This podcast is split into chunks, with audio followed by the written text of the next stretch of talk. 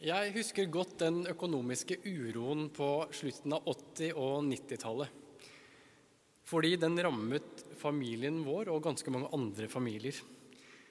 Rentene var skyhøye, og mamma og pappa fikk et umenneskelig press på seg til å betale avdrag og renter på et boliglån.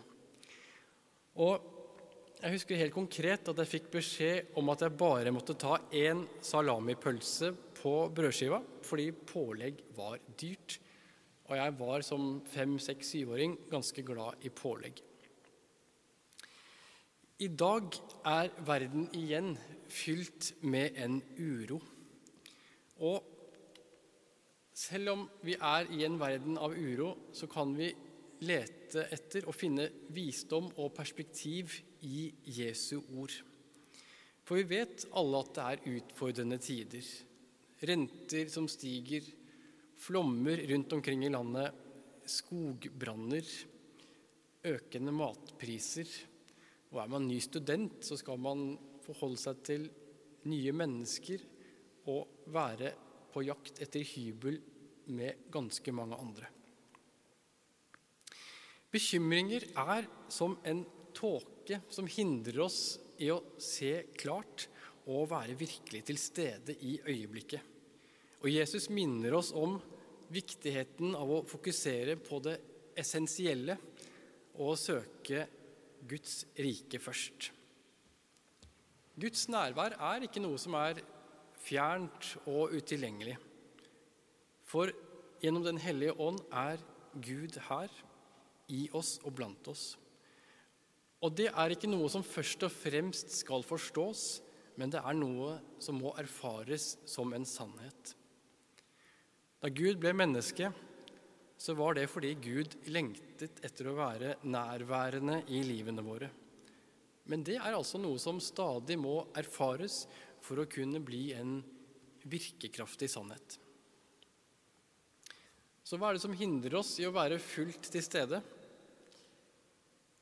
bekymringene som sniker seg inn. Selv om det er klokt og naturlig å planlegge for fremtiden og å ta ansvar for livene våre, så advarer Jesus mot at bekymringene tar overhånd. Han minner oss om fuglene i luften og blomstene på marken, skapninger som ikke bekymret seg, men som likevel Gud passet på.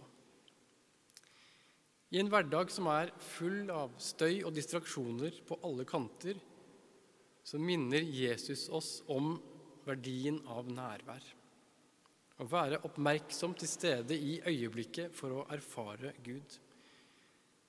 Det kan dreie seg om å dykke ned i nået som om det var din favorittis på en varm sommerdag, eller at du endelig finner en serie som er verdt å se på Netflix. Eller det kan handle om å ha en stille stund, eller å gjøre studiene sine eller arbeidet sitt med oppmerksomhet og glede. Men lett er det ikke alltid, særlig ikke om vi er fanget av en indre uro. Likevel så tror jeg at vi uansett situasjon kan finne mening og glede i relasjon til Gud og til hverandre. Vi kan dele latter og smil, og vi kan dyrke fellesskap. Vi kan legge fortid, fremtid og nåtid i Guds hender, og vi kan stole på at Gud er med oss.